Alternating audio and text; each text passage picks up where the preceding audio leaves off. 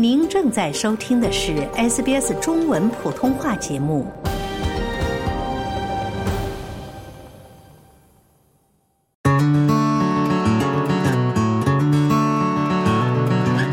The world puts such a pressure on a young person to, to reach every bar in every area of their 这个世界对年轻人施加了如此大的压力，要求他们在学习和生活的每一个领域都达到一个标准。但实际上，如果你擅长一两件事，那就专注于他们，专注于你所热衷的那一两件事。如果你在生活中追求他们，你就会做得很好。库尔特·琼斯的建议很有道理。库尔特在北布里斯班由祖父母抚养长大，现年二十一岁的他，曾在主流课堂环境中举步维艰。Yeah, I had quite a disengaged um, childhood. 我的童年很不快乐。实际上，我上的是一所弹性学制的学校。我是一个很不喜欢上学、经常惹麻烦的学生。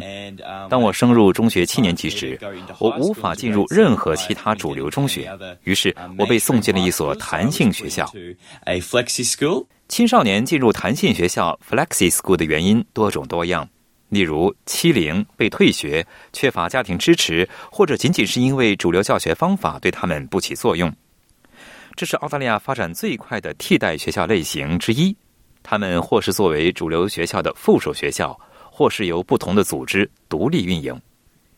对库尔特来说，这种转变改变了他的生活。Um. 那是一件难事，但实际上，那所学校通过不同的教育方式给了我很多帮助。在这样的学校里，我能够更多的去追求自己热衷的事情。通过露营和户外教育，我爱上了户外活动和大自然。作为一个年轻人，我有很多机会培养自己的领导力。最后，我在十二年级时成为了学院的学生会主席。对于我这样的一个被许多小学退学和停学的不合群的孩子来说，这是一个相当大的转变。十一年级是库尔特的转折点，学校的一项作业演变成了现在的 Coexist，一个注册的环保慈善机构。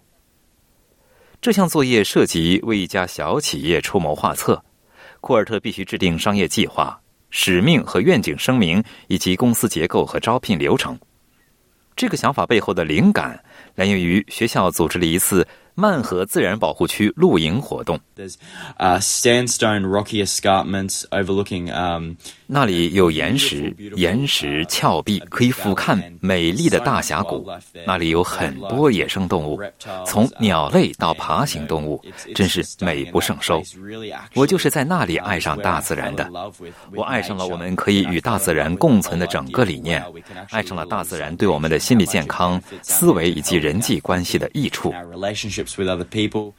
库尔特从没想过，一个简单的学校作业会有如此大的发展。I went to my teacher and said, "Hey, I love wildlife." 我对老师说 Would you mind：“ 嘿我很喜欢保护野生动物。uh, 您介意我做一个非盈利慈善机构作为我的业务评估吗？”他答应了。在现实世界中，这并不是什么真实的事情，只是纸上谈兵。但当我做完后，当我的评估结束时，我就想，通过这个过程，我真的爱上了这个概念和想法。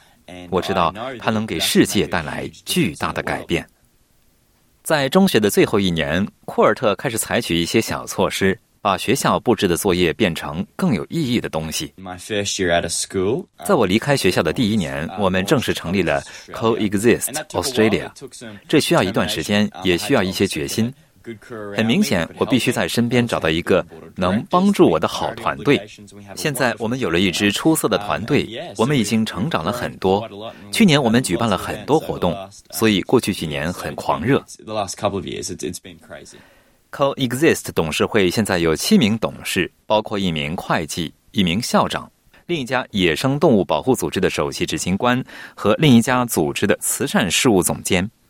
他利用社交媒体招募新成员并分享信息。下面是库尔特在 Instagram 上谈论鳄鱼。It's really simple. 其实很简单，这里是我们的栖息地，那里是他们的栖息地。那不是我们的水域，而是他们的领地。他们了解自己的领地，知道如何获取食物。不要去鳄鱼的地盘游泳。In croc country. 库尔特还有一份日常工作，为一些不同的野生动物教育者和有影响力的人担任摄像师。至于 Coexist，目前有两百名志愿者参与该慈善机构的工作。We want to. Look at co uh, look at conservation from a different angle. We want to do. 我们希望从不同的角度看待保护问题，希望以不同的方式来做。我们的第一步是让年轻人走出户外。显然，过去的十年到二十年里，我们看到真正参与户外活动的年轻人严重减少。自从技术出现以来，这是一个很大的变化。这也许就是我们看到与大自然如此脱节的原因。所以，我们的第一步是娱乐。给年轻人走出家门、参与远足、划独木舟、浮潜等户外活动的机会。一旦他们置身其中，他们就会真正了解环境，进而将年轻人带入教育的思维空间。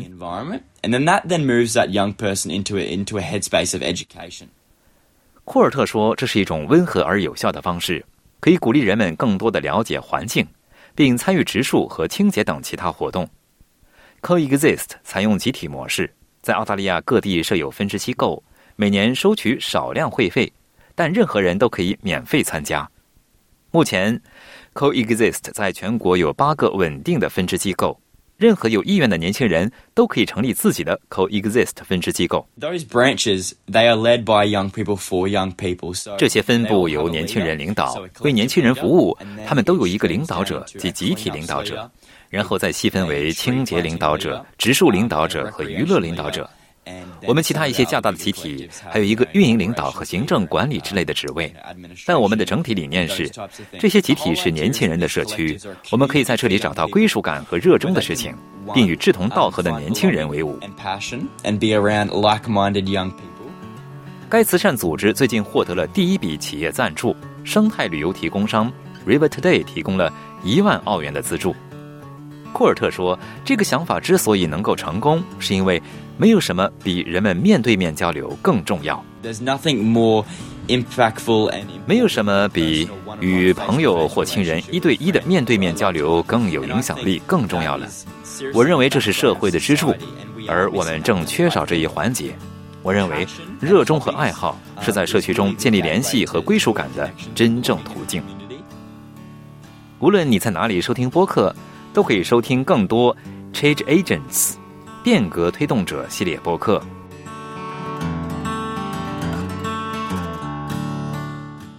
想在 SBS 当一回影评人吗？SBS On Demand 正在推送配有中文字幕的热门影视作品，您只需观看一部或以上影视作品，并把影评观后感发给我们，就有机会赢得一份 SBS 精美礼品。